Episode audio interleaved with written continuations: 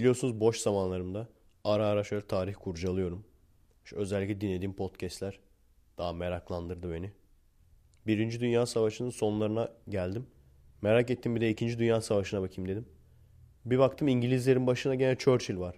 Dedim acaba hani isim benzerliği mi? Çünkü hani Çanakkale'den sonra Churchill kovuldu falan deniyordu.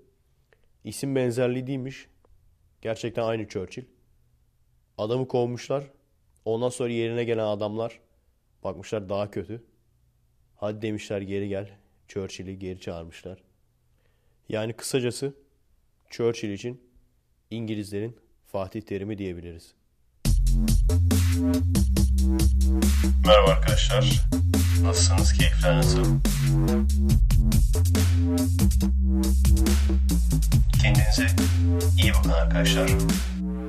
Merhaba arkadaşlar. Nasılsınız? Keyifler nasıl? Biliyorsunuz Noel yaklaşıyor. Ki biz de şimdi Noel'den niye bahsediyorum? Çünkü biliyorsunuz ateistler aslında Yahudi Mason lobisinin görevlendirdiği bilim adı altında Hristiyanlığı yaymayı amaçlayan satanistlerdir.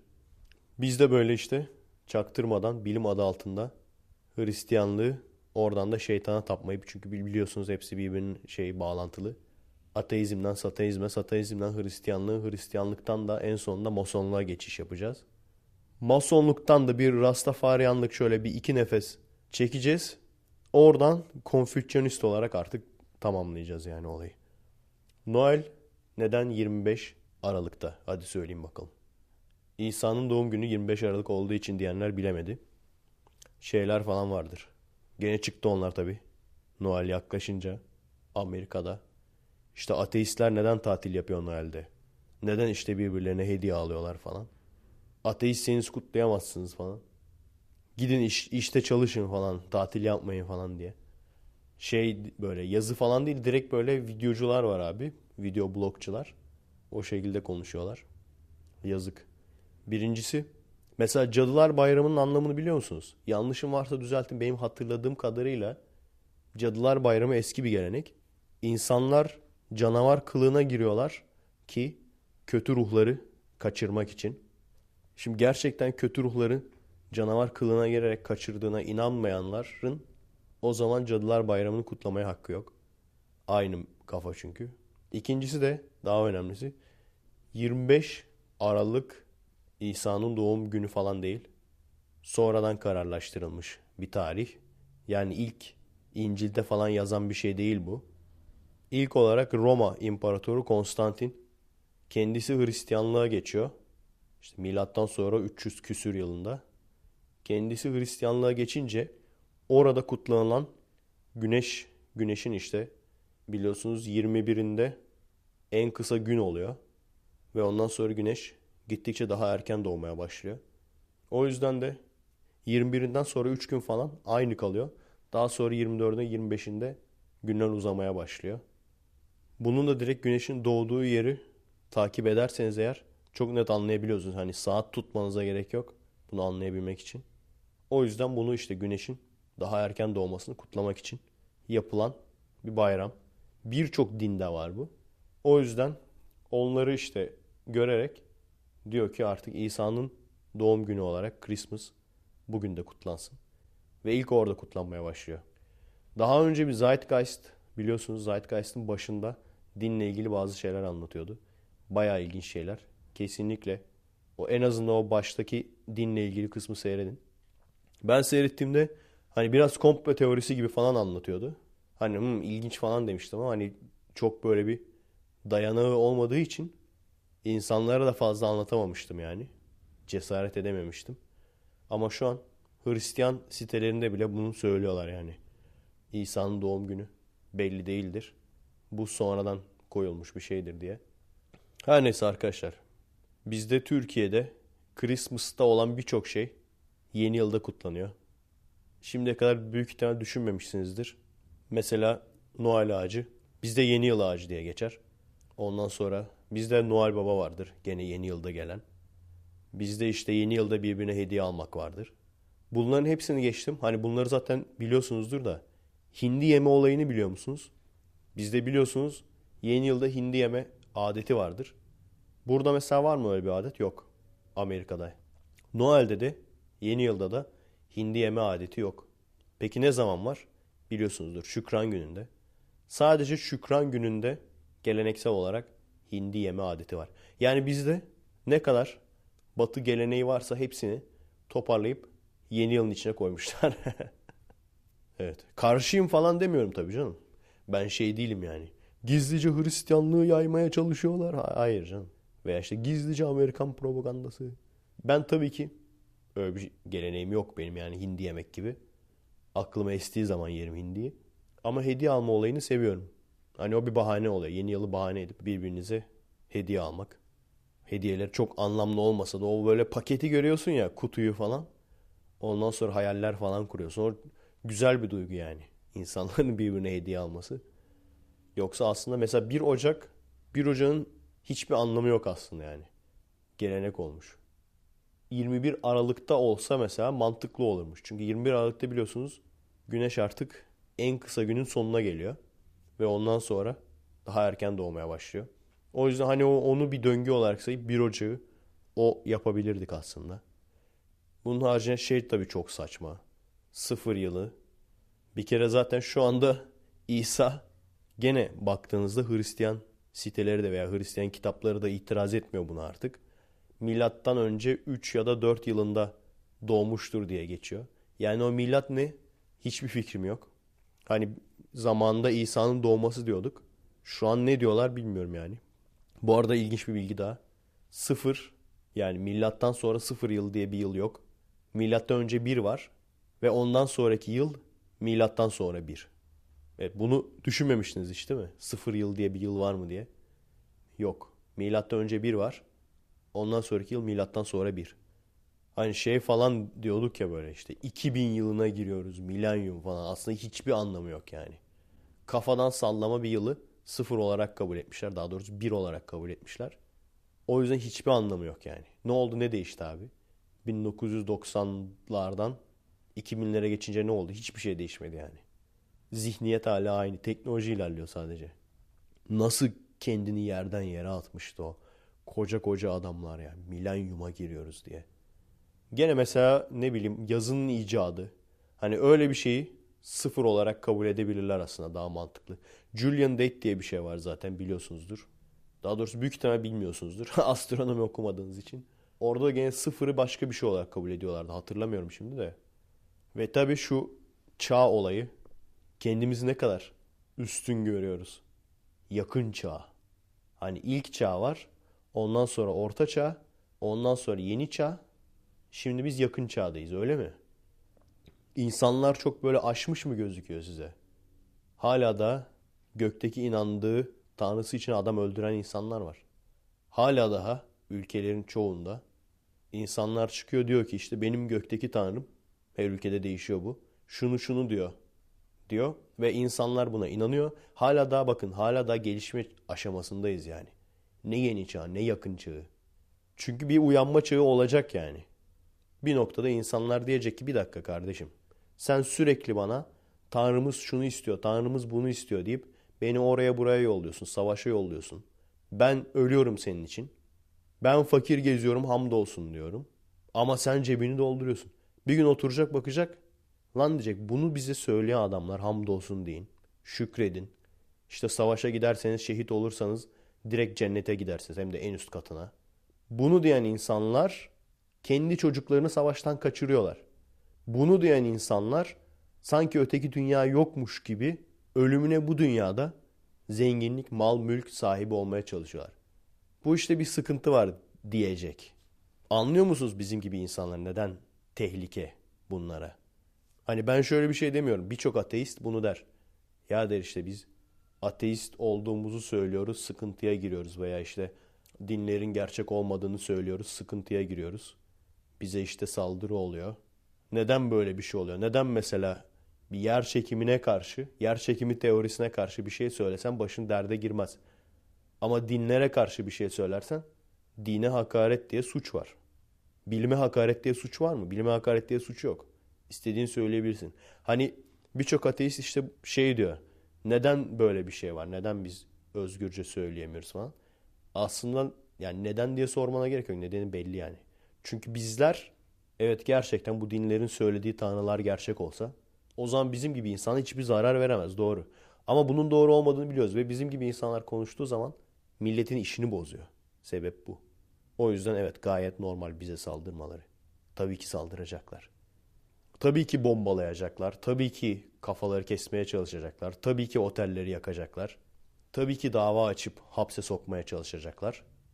Ama hala ne oldu? Hala konuşuyoruz. Ve gün gelecek belki de o gün geldi yani. Hani kitap yakarak, insanları öldürerek susturamayacaklar. Hadi interneti de öldürsünler. Google'u da yaksınlar hadi. YouTube'u da bombalasınlar. Veya internete dava açıp hapse atsınlar. Bir nokta gelecek ki artık gerçeği şiddetle bastıramayacaklar. O yüzden o nokta gelmediği için biz hiç kendimize yeni çağ, yakın çağ, açlık maçlık demeyelim. Bugün Türkiye'de cinci hocalar malı götürüyor mu hala da? Daha ilerleyeceğimize geri gittik. Eskiden çünkü arena gibi programlar cinci hocaları gizli kameraya alırlardı. Şimdi cinci hocalar kendilerini kameraya alıp internete yüklüyor reklam için. Çünkü adama dolandırıcı sahtekar diyemiyorsun ki. Şu anda açık açık insanlar televizyon programlarında, internet sitelerinde ateist bile değil ya. Ateistlere zaten her türlü hakaret oluyor da evrim teorisini savunanlara Darwinist diye bir isim koymuşlar. Darwinistler diye. Ne teröristliği kalıyor bu insanların? İşte bulunduğu yerde başlığı ezilmelidir. 11 Eylül saldırısını yapanlar bunlardır. Tecavüzcülerin hepsi bunlardır. Bunların hepsini rahat rahat söylüyorsun. Bu adamları mahkemeye verdiğin zaman bilirkişi raporu biz tahrik göremedik diyor. Ama sen bu adama dolandırıcı, yalancı, iftiracı, sahtekar dediğin zaman o sana dava açabiliyor ve kazanıyor. Böyle bir çağdayız şu an ama bunlar geçecek. Sonsuza kadar bu olmayacak yani. Özellikle mesela şimdiki gençler internet çağında doğdular. O yüzden her şeyin rahatlıkla sorgulanabildiği bir yerde doğdular. Bizim bir üstümüz 40 yaşında 50 yaşında abiler. Onlar da zihinsel olarak, fikirsel olarak özgür insanlar ama bir yere kadar özgür. Çünkü doğduklarında böyle dinin sorgulanabileceği bir ortam yoktu yani. Ben 25-26 yaşına kadar belki daha fazla 27-28 yaşına kadar yani tam böyle ateistim diyemiyordum yani. Tam hatırlamıyorum ne zaman ateistim dediğimi de. Evlendiğim zaman eşime ateistim demiştim onu hatırlıyorum. O dönemler yani 28-29 yaşına kadar kendime ateist kelimesini yakıştırmamışım. Daha koymamıştım yani. Şeyi gördüm mesela. Eşime mektup yazmışım. Geçen gün işte açtım. Bakayım neler yazmışım dedim. İşte 2001-2002 yılında o civarda yani yazmışım. Ne oluyor işte 12 sene önce, 12-13 sene önce oluyor. Şey yazmışım işte. Ben Müslümanım. İşte dünyada İslam yanlış anlaşılıyor. Ondan sonra başımdan geçen bir olayı anlatmışım. O olayı da çok iyi hatırlıyorum. Bir Amerikalı kadın İngilizce Kur'an'ı okumuş ve İngilizce Kur'an'da işte dört kadınla evlenebilirsiniz. Karınızı işte hak ediyorsa dövebilirsiniz gibi şeyler görmüş. Anneme söylemiş. Annem demiş ki hayır işte Kur'an'da öyle bir şey yok. İngilizce versiyonunda vardır belki falan. Bana da bu olayı anlattı. Ben kendim okumadığım halde sanki kendim okumuşum gibi bunu eşime yazmışım bu olayı. İşte sorun burada. Yani ben hep Efe Aydal değildim. Ne zaman Efe Aydal oldum ben de hatırlamıyorum yani. Şu sene şu olaydan sonra olduğum diyemem. Ama gerçekten bir nokta geldi ki tamamen her şeyi özgürce araştıran, özgürce sorgulayan bir insan oldum. Hep böyle değildim ama yani. Çoğu zaman bu şekilde. Birçoğunuzun böyle olduğunu biliyorum işte sorun burada. Yani okumadan başkasının söylediğine inanıp sanki kendimiz okumuş gibi millete bunu anlatmaya çalışmak. Ben de gençken yapmışım bunu yani 18-19, 20 yaşındayken yapmışım bunu zamanında. O, o da kanıtı işte yazılı kanıtı belgesi yani. O yüzden aslında çağlar nasıl olmalı biliyor musunuz? Bence ilk çağ ilk çağ tamam. Orta çağ mesela uzak çağ diyebiliriz. Yeni çağ eski çağ diyebiliriz. Yakın çağ yani şu anda bulunduğumuz çağda orta çağ. Şu an orta çağdayız biz yani. Çünkü orta çağla biz dalga geçiyorduk. Bak insanlar cadılara inanıyormuş işte cadı mahkemeleri var. Şu kişi cadılık yapıyor diye yakıyorlarmış falan diye dalga geçiyorduk. E şu an benzer şeyleri biz yapmıyor muyuz? Kaç sene önce yakıldı abi otel? Komple otel. Bir halk komple bir oteli yaktı yani içindeki 30 kişiyi öldürdü. Ve onu da geçtim. Herkes dedi ki suçlu Aziz Nesin. Neden? halkı tahrik etti. İşte ben 1400 sene önce yazılmış bir kitaba inanmam diyerek halkı tahrik etti. Hatta o olaydan sonra programa çıktı. Şu an YouTube'da görebilirsiniz. Ceviz kabuğuna çıktı. Orada insanlar canlı yayına bağlanıp şey diyorlardı. Utanmıyor musunuz? Bu kadar insanın ölümüne sebep oldunuz hala dinsizim demeye utanmıyor musunuz falan diye. Kaç sene önce oldu abi bu? 20 sene önce yani. Hani bir 200-300 sene önce değil. O yüzden çağları sıralayacak olursak o zaman ilk çağ, uzak çağ, eski çağ, orta çağ. Şu an orta çağdayız abicim. Evet. Veya şey diyebilirsiniz. Efe'den sonra 33. ES. Efe'den sonra 33. Gene o sevdiğim kelepir kitapçıya gittim. Vakit buldukça, fırsat buldukça gidiyorum. Ev okumadığım kitaplarla doldu. Bu sefer hediye almak için gittik. Ben de kendime çocuklara böyle değişik akıl oyunları, zeka oyunları falan olan bir kitap buldum. Ara ara fotokopi çekip onları veririm. Akıllı olanlara. Hep ders hep ders olmaz. Orada şeyi gördüm. Ender's Game'in bir kitabını daha yazmışlar. Ender's Shadow diye. Ender's Game'i biliyor musunuz? Ender diye mi okunuyordu? Ender's Game. Ender işte abi Türk yani Ender. Hep onu bak söyleyeceğim diyorum. Unutuyorum unutuldu gitti. Şimdi o kitabı görünce aklıma geldi. Seyrettiniz mi filmi? Ender's Game. Büyük ihtimalle görmediniz değil mi? Ünlü olmamasının sebebi olayın içinde bir tane çocuk var. Çocuk işte dahi, çok zeki, aşırı böyle şey, kafası çalışan birisi. Bunu işte komutan yapıyorlar. Kontrol şeylerinde hep çocuklar var böyle. Ondan sonra işte bu yaratık istilasına karşı bu işte insanlığın donanması, donanmayı saldırtıyorlar işte yaratıkların donanmasına falan. İşte bakıyorlar vay çok zekice işler yapıyor falan. Adamın yaptığı olay bir tane çok güçlü silah var. Donanmada ne kadar gemi varsa hepsini korumasını bırakıyor. O çok güçlü silahın etrafında topluyor hepsini, bütün korumaları. Ondan sonra diyor ki vay işte diyorlar. Ne kadar zeki çocuk bak nasıl düşündü falan. Ulan o 10 yaşındaki çocuk bir şöyle 2-3 sene strateji oyunu oynasa zaten hepimizin yaptığı iş yani o. En güçlü silahı hani oyunu bitirebilecek en güçlü silah diğerlerini sallayıp ondan sonra onların korumalarını o en güçlü silaha verip tek bir yerde toplamak. Yani hani bütün film boyunca dahi çocuk dediğiniz kişinin olayı bu muydu yani bu mudur? O yüzden büyük ihtimalle o kadar ünlü olamadı yani. Zamanında çıkan diğer bilim kurgular kadar. Yani sonuna kadar bekledik. Öyle bir şeyler olmalıydı ki gerçekten beynimiz böyle uçmalıydı yani. Hani bu şey gibi. Mucuk dizisi vardı ya bir ara. Bizim Türklerin Glee'nin çakmasını çekmişlerdi. Okan'ın şeyi vardı. Adamı vardı yönetmen. Kim? Can Sarcan. Orada şey vardı işte. Şimdi bir tane dansçı esas oğlan var. İşte bırakacağım bırakacağım yap, gelmeyeceğim yapmayacağım falan diyor böyle. Buna böyle yalvarıyorlar. Senin yerini kimse dolduramaz falan filan. Böyle birkaç bölüm öyle gidiyor. Ondan sonra oğlanı tamam ikna ediyorlar falan geliyor.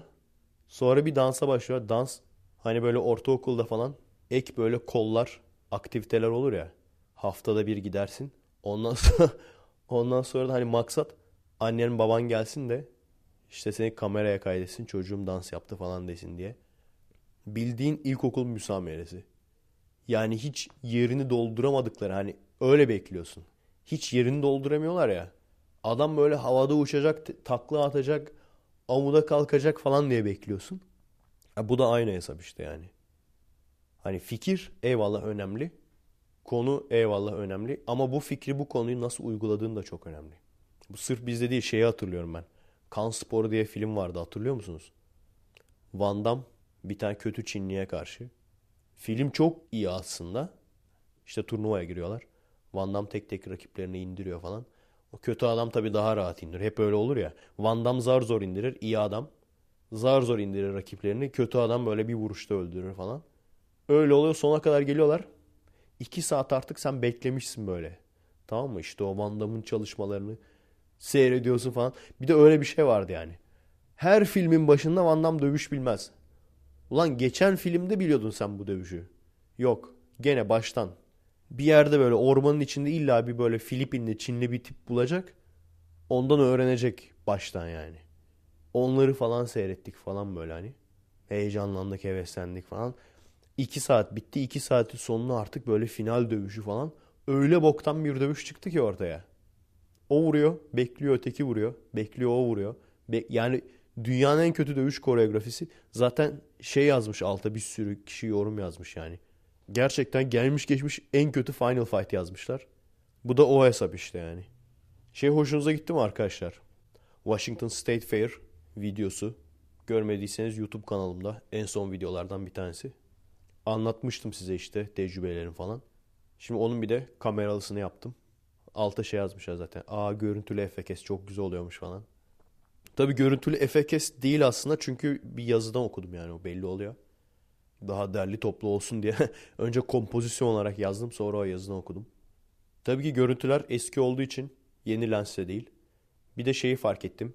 HDR çekim ben yapmıyorum o zamanlar. HDR çekim şimdi yapacağım artık bundan sonra güneşli falan olduğu zaman. Dikkat ettiyseniz gölgeyle güneşin olduğu yerlerde özellikle gölgedeki insanlar çok karanlıkta kalmışlar, simsiyah çıkmışlar falan. Bir ikincisi de polarize filtreyle ND filtre var yani. İşte o çok güneşli olduğu zaman güneş gözlüğü görevi gören, daha iyi bir görüntü almayı sağlayan. Yeni lens aldığım zaman o iki filtreyi de almıştım. Eski lensime de uyuyor o filtreler. O yüzden bundan sonra daha iyi görüntü yakalamaya çalışacağım. Hala hazırda çektiğim çok görüntü var. Daha onları ara ara aynen bu şekilde konuşmalı olarak yükleyeceğim. Genel olarak bir Seattle videosu yapmak istiyorum. Bellevue var burada. Onunla ilgili bir tane yapmak istiyorum. Bunlar çekmiş olduklarım. Tabii ki çalıştığım yerle ilgili bir tane yapmak istiyorum. Hatta bugün kamera getirdim buraya. Son hafta çünkü hani çok fazla bir ders olmayacak. Kamera getirmemi söylediler. Aktiviteleri falan çekmek için. Çalıştığım yerle ilgili de güzel bir video hazırlayacağım. Böylece merakınızı gidermiş olacağım. En son bu hafta sonunda işte Hint yemeği yemeğe götürdüler bizi. Biraz işte e, fazla mesai yaptık. Yeni alınan tahtaları, beyaz tahtaları falan, askılıkları falan işte duvara monte etmek falan. Düşündüğünüz kadar zor değildi çünkü duvarlar direkt şey yani American Standard. Tahta duvar anasını satayım. Tahtanın üzerine artık ne diyorlar bunu? Alçıpan değil değil mi bu? Gaz beton değil değil mi bunlar? Bildiğin sunta ya. Suntanın üstünü sıvamışlar yani. Böyle bir şey. Hani Terminator filmlerinde falan o onu fırlatıyor, duvarın içinden geçiyor falan ya. Biz de hadi lan olmaz öyle şeyler diyorduk. Olur olur abi. Ben burada biraz zorlasam duvarın içinden geçerim yani. Neyse. Öyle fazla mesai yaptık diye işte Hint yemeği falan yemeye götürdüler bizi. Yemekçiye. Abi ağzım öldü. Ben diyorum ki böyle giderken. İşte nasıldır siz böyle şey yer misiniz? Baharatlı böyle acı falan yer misiniz? Yeriz yeriz bizde de vardır acı. Aa iyi diyorum ben de severim acı falan. Abi bazı şeyler var hele ben bilmeden direkt o Cem Yılmaz'ın söylediği hani açık büfeydi çünkü yemek. O Cem Yılmaz'ın söylediği gibi hani bir tabağa doldurup ondan sonra sağa sola düşer ya böyle. Ben de onu yapmaya çalıştım. İşte o adamın söylediğini dinlemedim ama. Aslında onun söylediği gibi böyle bir yoğurtlu pilav vardı orada. O yoğurtlu pilavı alta böyle şey yapacaktık. Alta düşecektik o temel olacaktı. Onun üstüne yapıştıracaktık ondan sonra. Neyse. Sonuçta her şeyden böyle birer kaşık falan aldım koydum. Hani şey benim düşüncem. Kafamda şey vardı. Hani her birinden biraz tadayım. Hangisini beğenirsem ondan böyle daha çok alayım falan. Abi bir iki tane ne olduğunu anlayamadığım bir meyve midir, sebze midir? Böyle şey gibi düşün. Ne bileyim böyle ısırdığın zaman domates turşusu falan vardır ya böyle. Öyle bir his uyandıran bir şey yani. Ama abi aldım ağzıma bir ısırdım. Ağzımın içinde el bombası patladı abi. Ananı avradını su mu böyle alevler direkt şey ya. Hani Birinci Dünya Savaşı'nda Almanlar alev makinesi kullanıyormuş ya. O, o, o şekilde oldu yani ağzım. Ve ondan sonra ne oldu abi? Ondan sonra ne olduğunu söyleyeyim. Yanlışlıkla şeyler karışık gene ya. Bütün yiyecekler birbirinin içine girmiş. Ya yanlışlıkla ondan bir tane daha yedim abi. Bir daha ısırdım bir daha. İki bomba yani. Ondan sonra zaten ağzım öldü. Ağzım öldükten sonra artık şey e, lavaş vardı. Lavaşa abandık artık yani. Ama onun haricinde güzeldi yani. Bir daha hani bir daha gitsek giderim yani. Şey falan diyorum şimdi. Vejeteryan değil değil mi burası falan diyorum. Yok yok değil diyorlar. Bakıyorum ilk başta vejeteryan bölümü var. Ondan sonra tavuk var. Ben de şeye bakıyorum Allah Allah diyorum. Bir sadece tavuk mu var? Herhalde sadece tavuk var. Adamlar inek mi yiyecek? Sonra ne aklıma geldi. Ama domuz da yemiyorlar yani. Yani inek yemeyen kısım aynı zamanda domuz da yemiyor. Yani her Hintli vejeteryan diye bir şey yok. Bölüm bölüm gene yani. Hani Türkiye'de nasıl bir sürü bölümler varsa adamlarda da öyle. Sonuçta kaç? Bir milyar kişi mi adamlar? Öyle öyle bir şey değil mi? Hani biz 70 milyonuz anasını satayım. Bizde kaç tane bölüm? Ozal'da esnik osur, esnik ösür var bizde. Adamlar 1 milyar kişi yani düşün. Dilleri bile farklı ya. 3 tane ne farklı dili varmış böyle ana. Yani burada iki Hintli hoca var işte. İngilizce konuşuyorlar. Dilleri farklı çünkü. Kötü bir şey abi vatandaşınla kendi dilinde konuşamamak.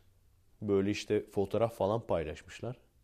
Baya yüksek bir binadan baya ışıl ışıl bir şehir falan. Baktık aa Hindistan mı ya burası falan. Hindistan deyince çünkü insanın aklına şey geliyor ya işte çamurun içinde yürüyen adamlar. Ondan sonra sokaklarda maymunlar. Hint fakirleri. Böyle işte kenarda köşede oturuyorsun. Kaval çalıyorsun falan yılan çıkıyor böyle. Kobrayı salıyor adam. Sepetten dışarıya. Öyle hayal ediyorsun. E, ama oturup da iki dakika düşününce adamlar bir milyar kişi artı hepsi bu okuldaki çocuklar gibiyse olacak tabi. Biliyorsunuz Hintlilerin uydusu var. Ondan sonra şeyi var. Nükleer silahı olan birkaç ülkeden bir tanesi. Yani dev güç gibi bir şey oldu adamlar. Ve tamamen çalışarak. Burada işte yani şeyi biliyorum. Bundan önce Amerikan yerine başvurmuştum dedim ya. Amerikalıların böyle bir şey spor ağırlıklı bir merkezi. Şimdi orada Amerikan çocukları anneler falan getiriyorlar. Oranın sahibi aynı zamanda hocalık yapıyor işte. Çocuğa böyle bir hareket gösteriyor. Takla gibi bir şey. Çocuk yapamıyor. Yapamayınca aa bravo harika yaptın. Müthiş çok güzel yaptın. Bak bir dahaki sefere şöyle yapmayı düşünür müsün? Falan çocuk sallamıyor tabii. Harika yaptın dediği için. Bir dahaki sefer aynı şeyi yapıyor. Hoca gene aa harika yaptın çok güzel yaptın. Bana geldi hoca şey diyor. Çocukları hiçbir şekilde yanlış yaptın demeyeceksin diyor. E dedim yanlış yaparsa hayır diyor demeyeceksin. Heveslerini kırma çocukların diyor. Onlar diyor çocuklar özel. Buraya geldik. Burada çocuk 2 yaşında takır takır konuşuyor. 3 yaşındakilerin eline problem kağıdı veriyorlar. Hani yazmayı falan zaten biliyor çocuklar 3-4 yaşında. Problem kağıdı veriyorlar. Resim gösteriyor. Bu resmin diyor ilk harfini yaz diyor. Mesela fil resmi elephant E yazıyor falan çocuk. Hiç de böyle special, special, özel çocuk mu özel çocuk dediklerini ben duymadım yani görmedim. Şimdi bir milyar kişi böyle olursa abi adamlar roket de atar, atom bombası da yapar, her şeyi yapar yani. Hani normal okul falan zaten kesmiyor Amerika'nın eğitim sistemi biliyorsunuz. Amerikan özel çocuklara göre. Hani her çocuk özel ya burada. Buranın özel çocuklarına göre. Öyle olunca işte bu diğer gelen Asyalı olsun, Hintli olsun burada Microsoft'ta çalışmak için gelen genelde. %90 öyle oluyor.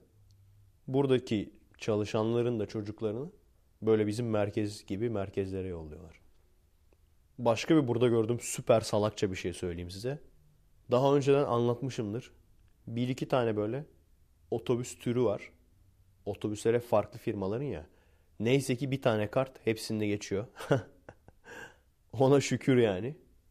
Bir tane otobüste bizim şeyin otobüs versiyonu gibi düşün yani. İzban var ya onun otobüs versiyonu gibi düşün. Durağı falan biraz daha büyük böyle. Swift diye geçiyor otobüs. Durakta basıyorsun kartı tamam mı? Veya işte duraktan bilet alıyorsun. Otobüse bindiğin zaman kartı basmıyorsun. Yani bizim otobüste hani ön tarafta şey olur ya kent kart basma yeri. O yok yani bunda şeyde basıyorsun işte. İstasyona, durakta basıyorsun yani. Amaç da şeymiş. Vakit kaybetmemek. Hani binerken insanlar vakit kaybetmesin. İyi de abi zaten her durakta 3-4 kişi biniyor. Bizim buradaki belediye otobüslerindeki gibi 20-30 kişi binmiyor ki. 3-4 kişi biniyor zaten. Peki otobüse bindikleri zaman kim kart basıp da bindi, kim kart basmadan bindi onu nasıl anlıyorsun? Bu sefer de ara ara güvenlik görevlileri geliyor. Ellerinde makineler senin kartını kontrol ediyor. Veya işte kartın yoksa bilet aldıysan biletine bakıyor falan. Ondan sonra tabii biletin yoksa veya kart basmadıysan seni atıyor dışarıya falan. Gittikçe daha böyle tabii işin boku çıkmış. Çünkü düşünecek olursan benim gibi insanlar milletin enayisi yani. Bizim için sorun yok gerçi. Biz daha sonra başka otobüslere de biniyoruz. O yüzden bize her halükarda o işte aylık kartlardan lazım oluyor. Ama yani sonuç itibariyle kart basan milletin enayisi. Neden? Arada bir yakalansan dışarı atılsan hiçbir şey kaybetmezsin yani. Kaybedeceğin bir şey yok. Bu sefer de öyle olunca da bir güvenlik görevlisi değil. Bu sefer bir baktık 3-4 tane falan binmeye başlamış tamam mı? Bir tane güvenlik bildiğimiz klasik o elinde makine olan. 3 tane de böyle şerif arkasında şerif falan yazıyor böyle. İri yarı adamlar falan böyle. 4 tane iri yarı adam biniyor otobüse. Tamam bir tane kadın işte. Biletsiz işte bilet alacaktım falan filan derken kadını oturttular falan. Ondan sonra işte adını falan yazdılar böyle. Kimliğini aldılar falan. Ulan geri zekalı mısınız? Bu kadar bunları yapacağınıza ön kapıdan giriş yap adam girerken bassın kartı geçsin. Büyük ihtimalle ona dönecek yani o olay. Ama yani bu konuda bizden geri olmaları çok komik. Neyse ki diğer otobüsler öyle. Sadece bu öyle. O iş yürümez ama yani. Romanya'da da aynısı vardı. Tren gibi düşünüyorlar herhalde. Trende de öyleydi değil mi? Bilet alıp giriyorsun. Olmaz abi o iş. Anca ne bileyim şehirler arası trenlerde falan olur yani. Bu arada şey hoşlarına gitmiş arkadaşların. İşte bazen yönetmenler hakkında veya filmler hakkında falan konuşuyorum ya. Ya ben neden film çekiyorum? Hala bilmiyorsanız söyleyeyim. Para için değil, pul için değil, hiçbir şey için değil. Ben film manyağı bir insanım. Film manyağı bir insanım olduğum için çekiyorum yani. Bana acayip keyif veriyor. Bir filmi seyretmek. Veya bir, bir şey yaratıp böyle bir film yaratıp onu oturup seyretmek ondan sonra. Kendi kafamın içindeyken, hayal gücümün içindeyken onu gerçeğe dönüştürüp ondan sonra oturup onu seyretmek. Acayip bana keyif veriyor yani. Sebep bu. O yüzden başkasının yazdığı şeyi çekmem. Çünkü o zaman benim için hiçbir keyfi kalmaz. Kendim yazmıyorsam yani. Hatta tam tersi belki ileride kendim yazarım. Daha ünlü olursam. Kamerayı veririm birinin eline. Hani o ihtimal daha yüksek. Hani illa birini yapacaksam yani. O yüzden işte hani para iyi bile olsa, parası iyi bile olsa yani. Hani televizyonda falan bir şey çekmek istemem. Çünkü onda da o kadar çok kısıtlamalar var ki hiçbir şey çekemezsin yani. Her neyse kendini böyle tanıtan bir yönetmen ile ilgili konuşacağım Hollywood'dan. M. Night Shyamalan. Şu anda herkesin bütün film eleştirmenlerinin ortak olarak nefret ettiği bir yönetmen ben. Seven şu anda insan bilmiyorum görmedim yani. Hepsi ana bacı sövüyor. Ama ben farklı bir şekilde konuşacağım. Ee, kendisi de Hintli galiba. Yani adam büyük ihtimalle çok güzel parası var. Bir yerden güzel para yapmış. Sürekli çekiyorlar. Adam aynı zamanda şeyin de kanıtı yani. Hani yıkıcı eleştiri yapan insanlar belki böyle kötü yönetmenleri iyi film çekmeye sevk ederler. Veya işte kötü yönetmenleri film çekmeye bırakmaya teşvik ederler falan. Bunların hiçbirinin doğru olmadığını kanıtı yani adam hala çekiyor. Ama şöyle bir şey var. Ortak olarak söyledikleri Altıncı His muhteşem bir filmdi diyorlar. Ama ondan sonra gittikçe kötüleşti diyorlar işte ve şimdi de çok kötü falan diyorlar. Ben çok farklı düşünüyordum bundan. Hala da ben herhalde bir tek ben söylüyorum bunu. Altıncı His filmi çok saçma film değil miydi? Yani niye bir tek ben söylüyorum onu da anlamıyorum. Niye bir tek ben beğenmedim? Çünkü şunu düşünün arkadaşlar. Hani bu tür böyle gizemli film olduğu zaman mantık olması lazım biraz. O adam biliyorsunuz işte filmin başında vurulduğu zaman ölmüş ama öldüğünün farkına varmamış eyvallah. Ondan sonra bir sene falan inzivadaymış. Hadi onu da yedik. Ama en son şehre geri geliyor. O çocukla olan ilişkileri çocuk adamı görüyor. Adamı geri kalan hiç kimse görmüyor. Ve adam bir kere bile kıllanmıyor yani. Bu acayip saçma. Yani restorana giriyor, insanların yanından geçiyor, gidiyor, birileriyle konuşuyor. Hani bir iki kişi bunu görmüyor, duymuyor falan. Hani küs falan sanıyor. Ama bütün herkes mi küs yani? Hiç mi bakkala gitmezsin? Hiç mi tuvalete gitmezsin umumi tuvalete?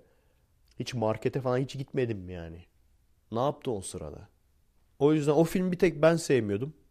O esnada herkes diyordu ki o muhteşem film falan. Ondan sonra işte Unbreakable çıktı. Sırf o adamı sevmediğim için seyretmedim. Ona da diyorlardı muhteşem film falan. Arkadaşa anlattırdım konusunu. O da gene kafamı açtı. Sonra Village filmi çıktı. Hemen üçüncü olarak o mu çıktı hatırlamıyorum ama yani bu ikisinden sonraydı. İşte fragmanı falan hoşuma gitti. Hadi dedim belki düzelmiştir falan. İşi ilginç yanı Village filmi bence fena değil.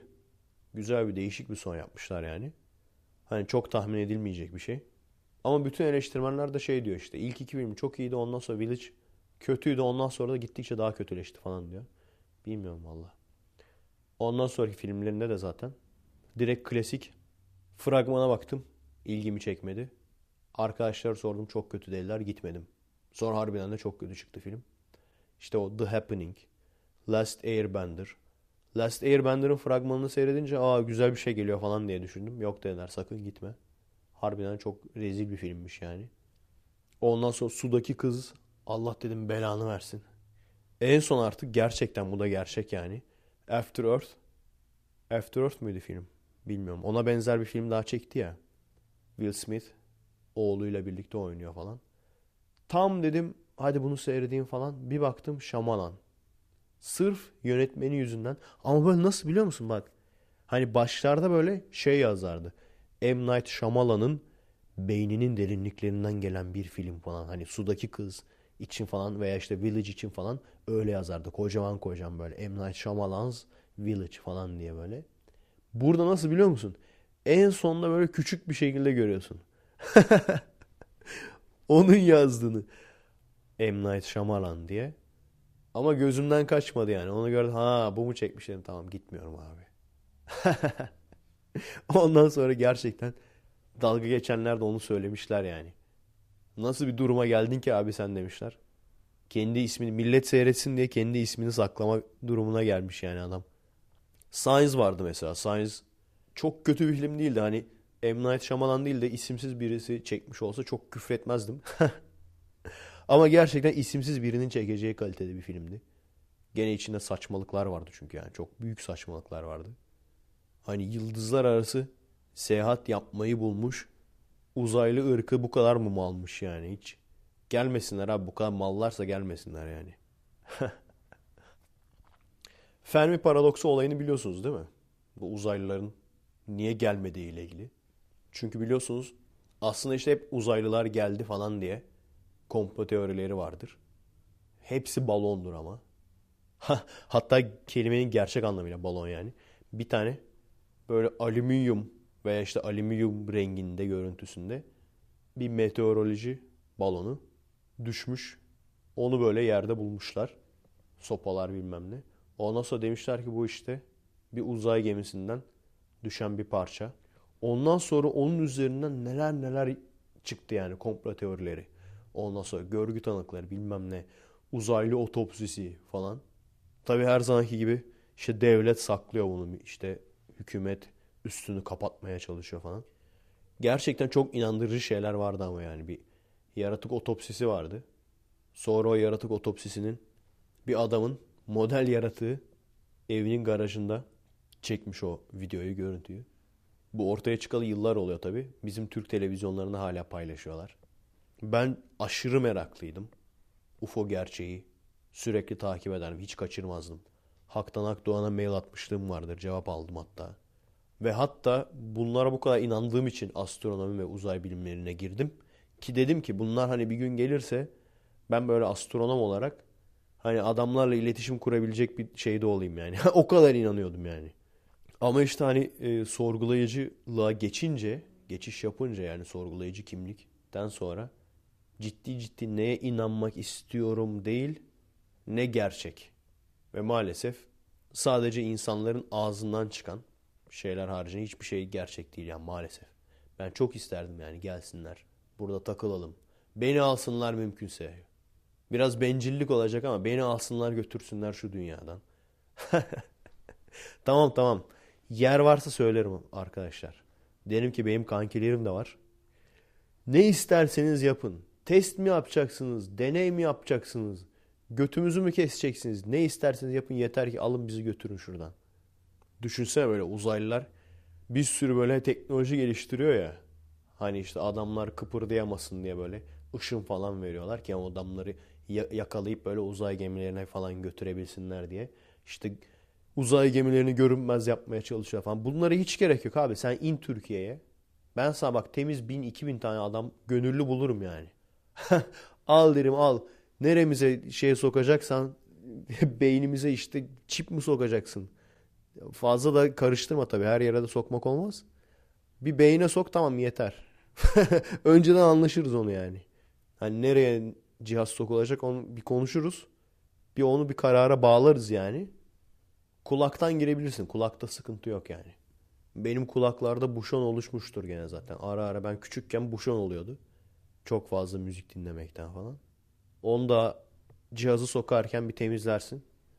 Neyse yani inanmak istiyorum tabii ama şimdiye kadarki iddiaların hepsi boş.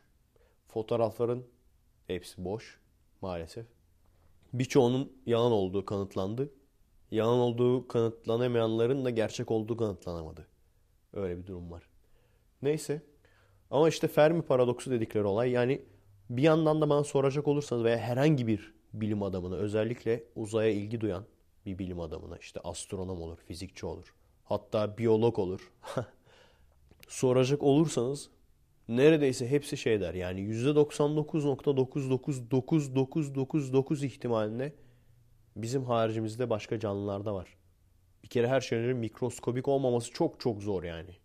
Onun haricinde evrimleşip hayvan en azından gözümüzle görebileceğimiz, hayvan diyebileceğimiz yani küfür anlamında değil de hayvana bak falan değil de hani hayvansal özellikler veyahut bitkisel özellikler taşıyan makro canlıların olma ihtimali de aşırı yüksek yani %90'ın üzerinde. Bunun haricinde akıllı canlı bizim gibi bizim ne kadar akıllı olduğumuz tartışılır tabii de bunun var olma olasılığı da çok yüksek yani. Bu da çok büyük bir ihtimal. Diğer ihtimaller kadar yüksek olmasa da.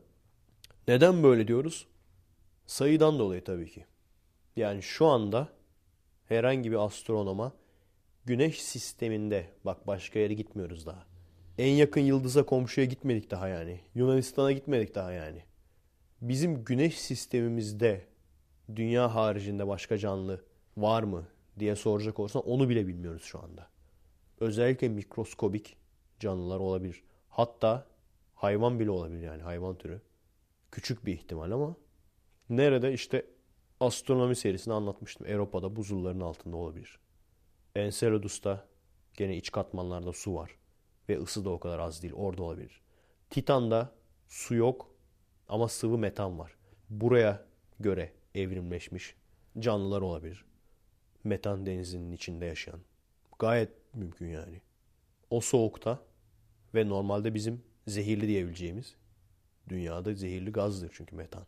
Orada soğukta sıvı olmuş. Ama orada bile yaşayabilecek oraya göre oraya alışmış canlılar olabilir. Düşseniz orada şey diyorlarmış. Titan bir milim yakın olsa hiçbirimiz var olamazdık. Bu mükemmel ayar nasıl oldu? Mükemmel ayar var olmadı. Biz mükemmel ayara uyduk. Anlamamız gereken olay o. Şeyi soruyorlar ya. İşte bu arı nasıl oluyor da altıgen petek yapabiliyor? Geometri dersi mi almış falan? Geometri dersi değil. Bizim için şu önemli. Bunun tabi ateizm serisine daha detaylara gireceğim ama Evet tabii ki insanların çözemediği doğada bazı şeyler var. Ve evet tabii ki ateistler işte biz çözemedik diye bunu hemen Allah'a bağlamak veya işte herhangi bir tanrıya bağlamak doğru değil diyor. Ama şöyle de bir şey var arkadaşlar. Birçok şey de çözülmüş aslında. Biz sadece Türkiye'de bunu bilmiyoruz. Mesela bu örnek. Arılar neden altıgen kovan yapıyor? Bunlar geometri dersimi almışlar. Cevap işte çünkü Allah altıgen yapılması için işte içgüdü vermiş onlara gibi bir şey. Esas cevap ne? Arılar mümkün olduğu kadar arada az boşluk kalacak şekilde kovanın içine yerleşiyorlar. O şekilde düşünün. Etraflarına kovan yapıyorlar mumdan. Yani o işte şekilde çizmem lazım yani. En az yer kalacak nasıl olur? Arılar yuvarlak şeklinde ya. 3-4 tane arı düşün yan yana. Üst sıra nasıl olur? O iki arının ortasındaki o boşluğa girerler. Sonra bir üst sıra o gene iki arının ortasındaki boşluğa girerek. O şekilde olur yani. Minimum boşluk olacak şekilde. O şekilde dizilip etraflarına mumdan kovanlarını yapıyorlar deliklerini ve ilk yapıldığı sırada daire şeklinde. Daire şeklinde oluyor. Daha sonra ısıtıyorlar onu. Isındıktan sonra duvarlar birbirlerine yaslanıyor. Duvarlar birbirlerine yaslandığı zaman araların birbirlerine olan pozisyonundan dolayı altıgen şeklini alıyor. Ve işte o hani mükemmel geometri, mükemmel altıgen falan değil bildiğin altıgen yani. Hani açıları mükemmel falan değil. Yani bu önemli. Hani şu anda herhalde şey demeyiz değil mi? Peri bacası gördüğümüz zaman. Bu peri bacasını kim yarattı falan. Çünkü nasıl oluştuğunu biliyoruz yani. Bu neden önemli? Gene bununla ilgili işte evrimciler açıklasın diye bir yorum yazmışlar gene. Şimdi evrimle ne alakası hiçbir fikrim yok. Hani ateistler açıklasınlar dese anlarım. Evrimciler açıklasınlar diye geçiyor.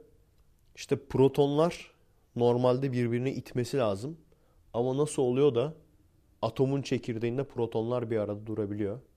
Eğer Allah yoksa evrimciler bunu açıklasın demiş. O güce strong force deniyor veya strong nuclear force deniyor. Bizde Türkçesi nasıl geçiyordu? Güçlü nükleer güç mü? Büyük nükleer güç diye mi geçiyor? Kuvvetli nükleer güç diye geçiyordur büyük ihtimalle. Doğadaki dört güçten bir tanesi, dört temel güçten bir tanesi. İşte gravitasyon, diğeri elektromanyetizma, diğeri kuvvetli nükleer güç, öbürü de zayıf nükleer güç. Tabii ki bundan sonra da peki o kuvvetli nükleer gücü kim yarattı falan diye. Yani o işin sonu yok. Ama neden bunu bilmek önemli? Çünkü abicim sen burada diyorsun ki işte o protonları Allah tutuyor. Çok daha önce işte bulutlar neden düşmüyor deniyordu. Ondan daha önce gökyüzü neden yere düşmüyor direkler olmadan deniyordu. İşte Allah tutuyor deniyordu. Sen bunu bu şekilde diyorsun. Adam bunun sebebini araştırıyor, buluyor. Ondan sonra da o güçten faydalanarak atom bombası yapıyor, senin kafana atıyor. Bu yüzden önemli. Yani işte hep şeyle övünürler. İşte eskiden Bağdat, İslam dünyası bilimin merkeziymiş. Evet gerçekten öyle. Avrupa karanlık çağını yaşarken Avrupa'dan kaçıp insanlar Bağdat'a gelirlermiş yani. En özgür düşüncenin olduğu yerlerden bir tanesiymiş yani. Ve gerçekten o şekilde devam etse belki de şu anda Müslüman ülkeler gelişmiş ülke diyecektik. Hristiyan ülkeleri de işte çölde yaşayan terörist ülke diyecektik belki de yani. Veya ikisi de eşit güç olacaktı belki de. Ama ne oluyor? Moğollar gelip dağıtmış. Yerle bir etmişler Bağdat'ı.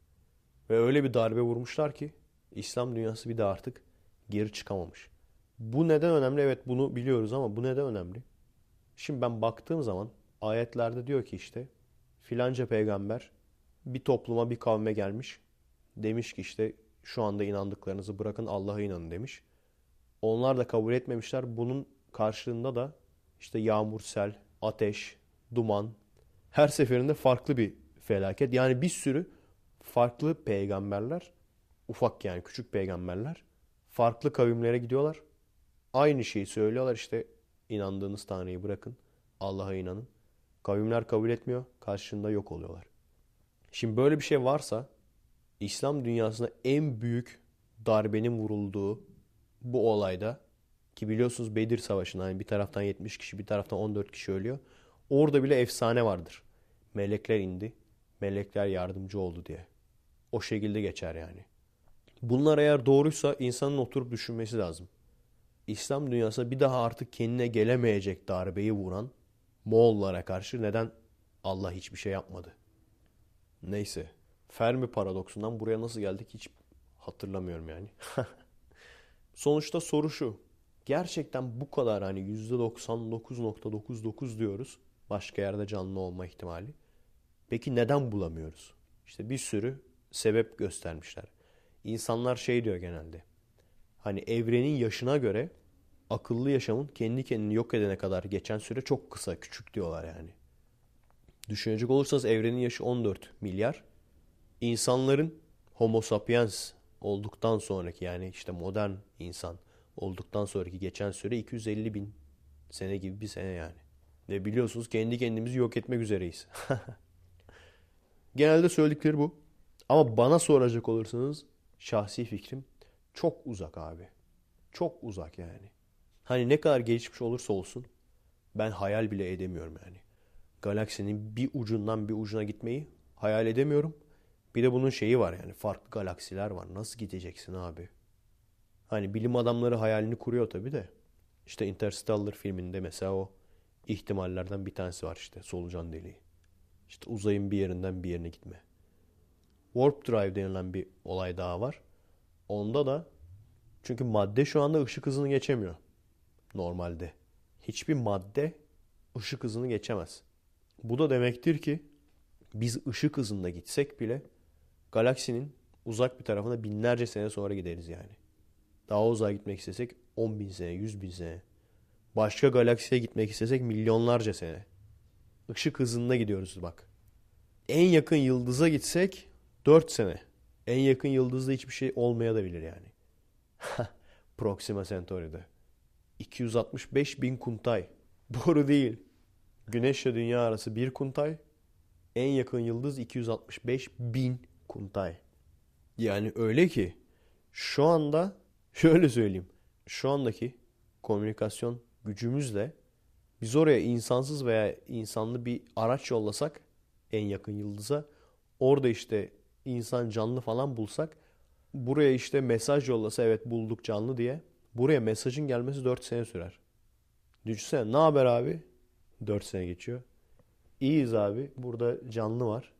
Neye benziyor abi? Hadi bir 4 sene daha. Neye benziyor derken abi? bir 4 sene daha gitti. Bir de düşün bir türkü koyuyorlarmış oraya. E daha daha nasılsın abi? Çoluk çocuk nasıl abi? ne olacak bu memleketin hali derken merak etme aradan 3 tane cumhurbaşkanı 5 tane başbakan geçti. sen bunu şey yaparken sen ne olacak memleketin hali diyene kadar belki memleket kalmaz. Warp Drive dedikleri olay da işte uzayın kendisini hareket ettiriyor. Yani bir uzay gemisi düşün. Uzay gemisinin arkası ve önü surf dalgası gibi düşün. Surf dalgasının üzerinde gidersin ya. Aynen o şekilde bir dalgayı uzayın kendisinde yaratıyorlar. Yani bu tabii ki teorik. Böyle bir şey gerçekleştirmiş değiller tabii ki de. O şekilde hani gemi sabit kalıyor. Uzay hareket ediyor. Uzay hareket edince tabii ışık hızını geçme şansları oluyor. Gibi bir düşünceleri var. Yani fikir çok, düşünce çok. Bekliyoruz. Yapsınlar yaptıktan sonra şerefsizim aklıma gelmişti. Veya bizde yazıyordu falan. Diyeceğim yani. Şey vardı.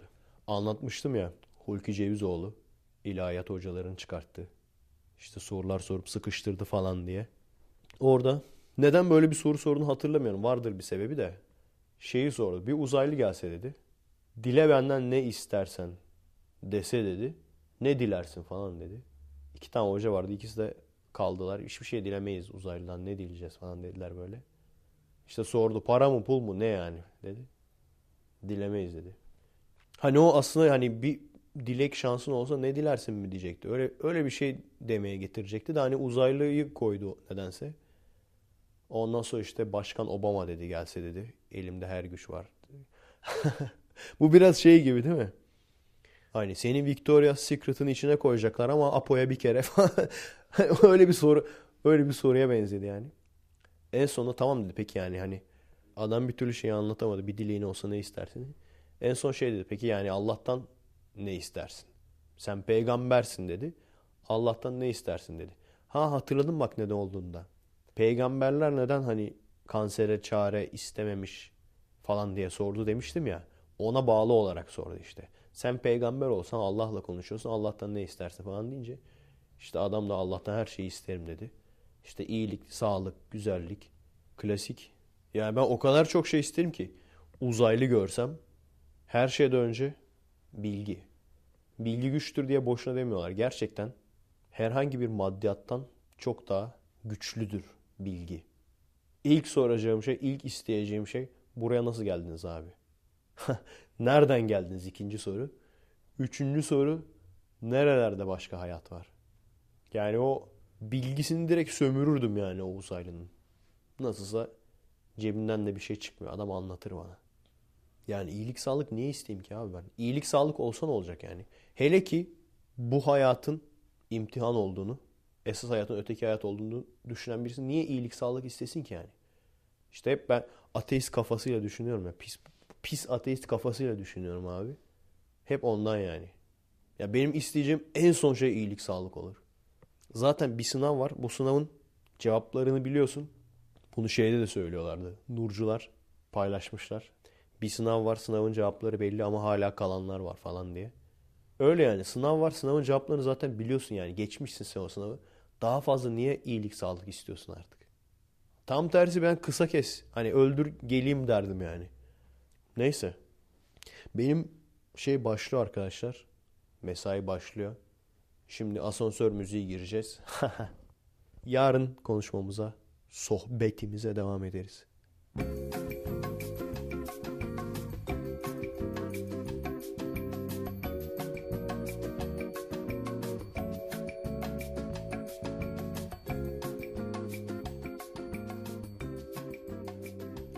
Evet, salı gününden merhaba.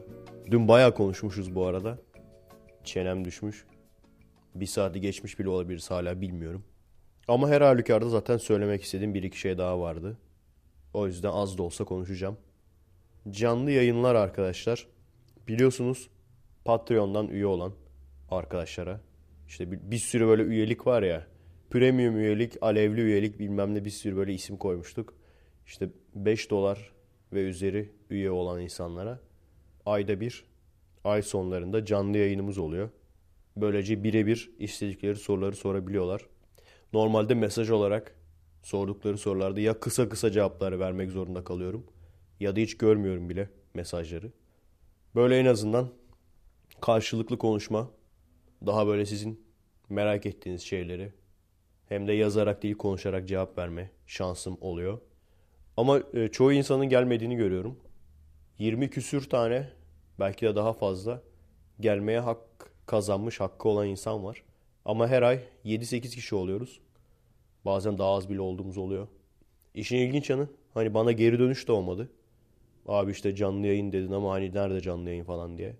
Yani eğer biliyorsanız ve bildiğiniz halde gelmiyorsanız sorun yok. Ama bir şekilde elinize bilgi ulaşmadıysa yani Facebook'tan, Patreon'dan mesaj atabilirsiniz. Ben her seferinde söylüyorum. İşte bu hafta sonu canlı yayınımız olacak vesaire. Ondan sonra da canlı yayın olduğu zaman da ayrıyeten mesaj ve link atıyorum. Her neyse. Sonuçta yani öyle bir fikri olan varsa o şekilde düşünmenizi istemem yani. Hani canlı yayın yapacak nerede yapmadı falan diye. Yapıyorum arkadaşlar. Patreon mesajlarınızı kontrol edin. Dünkü muhabbetimizde şey diyorduk işte arı petekleri nasıl oluyor falan diyenler. Veya işte protonlar nasıl birbirinden ayrılmıyor diyenler. Bunlardan bahsediyorduk. O muhabbet yarım kaldı. Şeyler var bir de. Evrimciler açıklasın. Bunlar hep gerçek yorumlardan yola çıkarak söylüyorum. Hani hayali sözler değil bunlar. Veya hayali yorumlar değil. Evrimciler açıklasın şu anda kuşun kanadı var. Ondan sonra evrimciler diyor ki sürüngenler kuşa evrimleşmiş. Peki o zaman evrime göre yarım kanat olması gerekmez mi? Hadi gösterin yarım kanadı. Var mı öyle bir şey? Cevap veriyorum. Burada ilkokul kitabını açacak olursan görürsün. Kanatlı dinozorları. Burada ilkokulda öğretiyorlar onu. Olay da şu. Yarım kanat değil, gelişmemiş kanat. İlk başta tüylü oluyor. Sürüngen. Soğuktan korunabilme amacıyla. Daha sonra bu tüyler kanatımsı bir hal alıyor. Ama yine de uçmasını sağlamıyor. Peki ne avantaj sağlıyor? Bir insanın çok büyük olmayan ufak bir planör taktığını düşünün. Çok fazla bir avantaj olmaz. Sizi uçurmaz belki ama en azından ne olur bir yerden kaçarken kanat çırparak biraz daha hızlanmanızı sağlar. Geçici olarak en azından yerden yükselmenizi sağlar. Ayrıca yüksek bir yerden atladığınız zaman belki de belli bir seviyeye kadar çok sert düşüp ölmenizi engeller. Sizi yavaşlatarak. Bu teorik bir şey mi?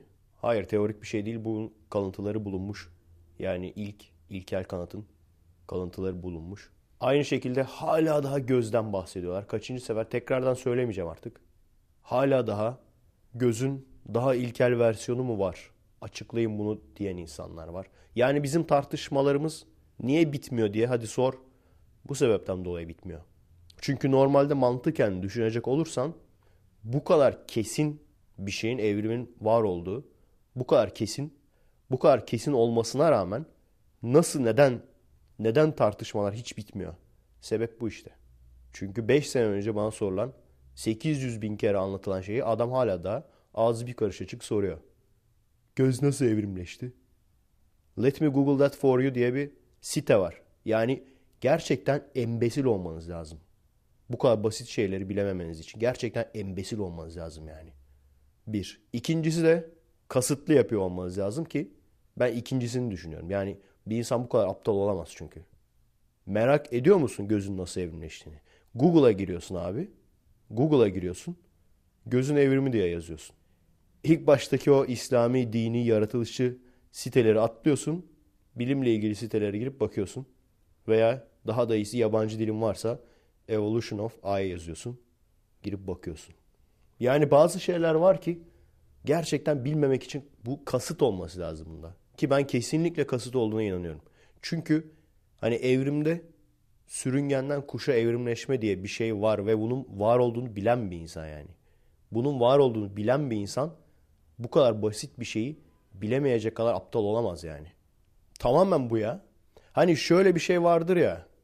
İşte böyle bazı Türkiye'de bazı politikacıların kasetleri çıkar, videoları çıkar, belgeleri çıkar, her şeyi çıkar. Hiçbir şey olmamış gibi adam devam eder. Onu destekleyenler de sığır gibi hala da onu desteklemeye devam eder. Neden? Çünkü o, o belgeler sayılmaz. Video sayılmaz. Bu da aynı hikaye yani. Fosil istiyorsa al sana fosil saymıyorum. Arafon fosil yoktur. E al tiktalik, al tüylü dinozor veya gir Wikipedia'ya veya istediğin herhangi bir bilim sitesine araform sayılabilecek, araform kabul edilebilecek fosillerin listesi diye aç bak hepsine. Yani bunlar böyle çok gizli bilgiler değil ki.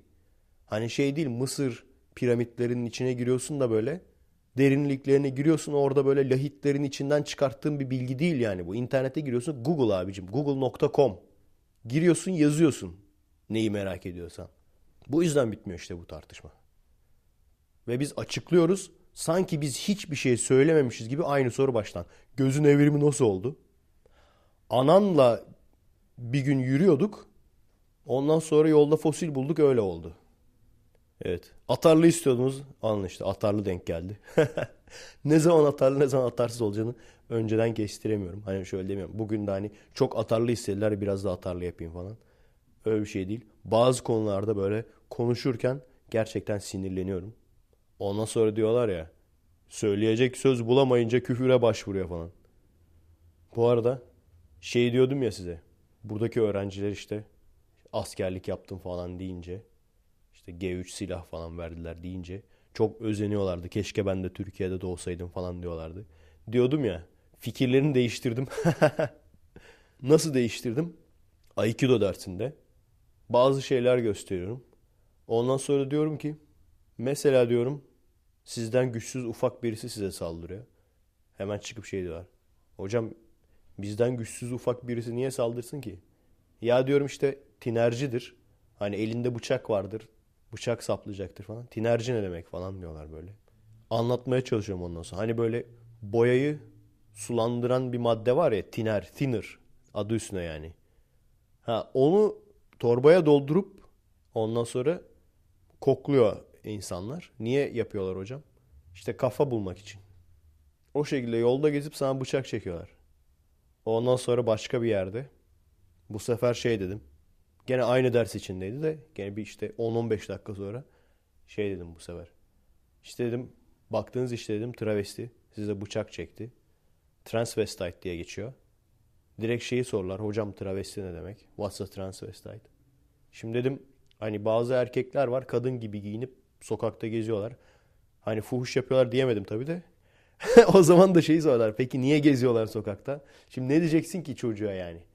İşte öyle yani canları istiyor. canları istiyor öyle geziyorlar falan. Peki işte niye bıçak çekiyorlar yani? Kadın gibi gezen adam. İşte öyle para istiyor senden yani. Falan. Ondan sonra bir... akılları almadı yani yok dediler. Ben iyi ki Türkiye'de doğmamışız falan dediler böyle. Ha dedim. Sonunda aklınız başınıza geldi. Ondan sonra dedim ki Peki size kadın diyelim saldırıyor falan. Bu sefer de hocam kadın niye saldırsın? E dedim belki hasta yakındır. Sen de doktorsundur. Ben doktorlara öyle self defans dersi verdim bir sene. Peki hocam yani yasak değil mi yani? Hani nasıl oluyor iş doktorlara kadın saldırıyor falan? Hapse girmiyor mu? Yok girmiyor. Yasa dışı ama girmiyor. Sen dayak yediğinle kalıyorsun. Şeyi falan anlattım ondan sonra. İşte gözlüklü doktora yumruk atıp doktorun gözünü kör etmişleri falan. O, o olayları anlattım. Ondan sonra tamam dediler. İyi ki doğmamışız Türkiye'de. Ne sandıydın ya? Bu arada hep üst üste denk geliyor. Hep travesti maceraları anlatıyorum. Travesti düşmanı falan sanmıyorsunuzdur herhalde beni. Biliyorsunuz burada hani daha çok kendi arkadaş grubum gibi davranıyorum buradaki dinleyicilere. O yüzden de neyse onu söylüyorum yani. Hani açıkça söylüyorum ben sokakta yürürken travesti görsem şöyle bir dikkatli yürürüm yani. Uzaktan uzaktan geçerim. Genelde zararsız oluyorlar. Hani en fazla laf falan atıyorlar işte yakışıklı falan diye. Bazen hatta şeyde Alsancak travesti merkezi ya. Markette falan görüyorum böyle. Hani ulan markette de bıçak çekecek halleri yok herhalde yani. Markette falan bile böyle uzaktan uzaktan gidiyorum falan. Sigorta kuyruğunda bir kere önümde denk gelmişlerdi falan. Çünkü şöyle bir şey var. Yani isteseler hani o kadının vahşiliğiyle erkeğin gücü birleşmiş ya. isteseler baya sağlam damage koyabilirler yani. O yüzden bir tırsma olayı oluyor. Bir iki kere de böyle işte para isteme falan olayı denk geldi. Bir de böyle biz direkt beni bilen bilir. Hiç muhabbete bile girmem yani. Duymamış gibi yürümeye devam ederim falan. Ona falan sinirlendi böyle. Peşimizden takip etti falan bizi. Neyse. Sonra vazgeçti neyse ki. takip etmeyi. evet. O yüzden evet farkındayım yani. Herkes öyle değil. Bir iki kişi öyle yaptıysa hepsi böyle olacak diye bir kanun kural yok yani. Hali vakti yerinde olanlar da var. Bu tür şeylere ihtiyacı olmayanlar da var. Hele ki zaten burada bildiğin işte çalışıyorlar yani o şekilde. Yani toplum direkt bağırlarına basmış. Hiç öyle sıkıntılı işlere girme ihtiyaçları kalmamış yani. İyi bir şey tabii. Evet.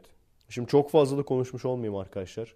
Çünkü montajı gerçekten hani şaka değil gerçekten ucu ucuna yetiştiriyorum. Dün her gün bir 20 dakika montaj yapmak kotası koydum kendime. İşten geldikten sonra yorgun oluyorum çünkü akşam. Yemeği yiyorum. 20 dakika montaj yapıp direkt atlıyorum yatağa. Dün de öyle oldu yani. 20 dakikayı bitirdim. Bazen hani uykulu olmadığım zamanlar video falan seyrediyordum YouTube'da. Hiç onu bile yapamadım yani. 20 dakikayı bitirdim atladım direkt yatağa. o yüzden haddinden fazla konuşup videonun çıkış gününü tarihini de geciktirmek istemiyorum. Kendinize iyi bakın arkadaşlar. Adresimiz youtube.com bölü kommek, twitter.com bölü kommek.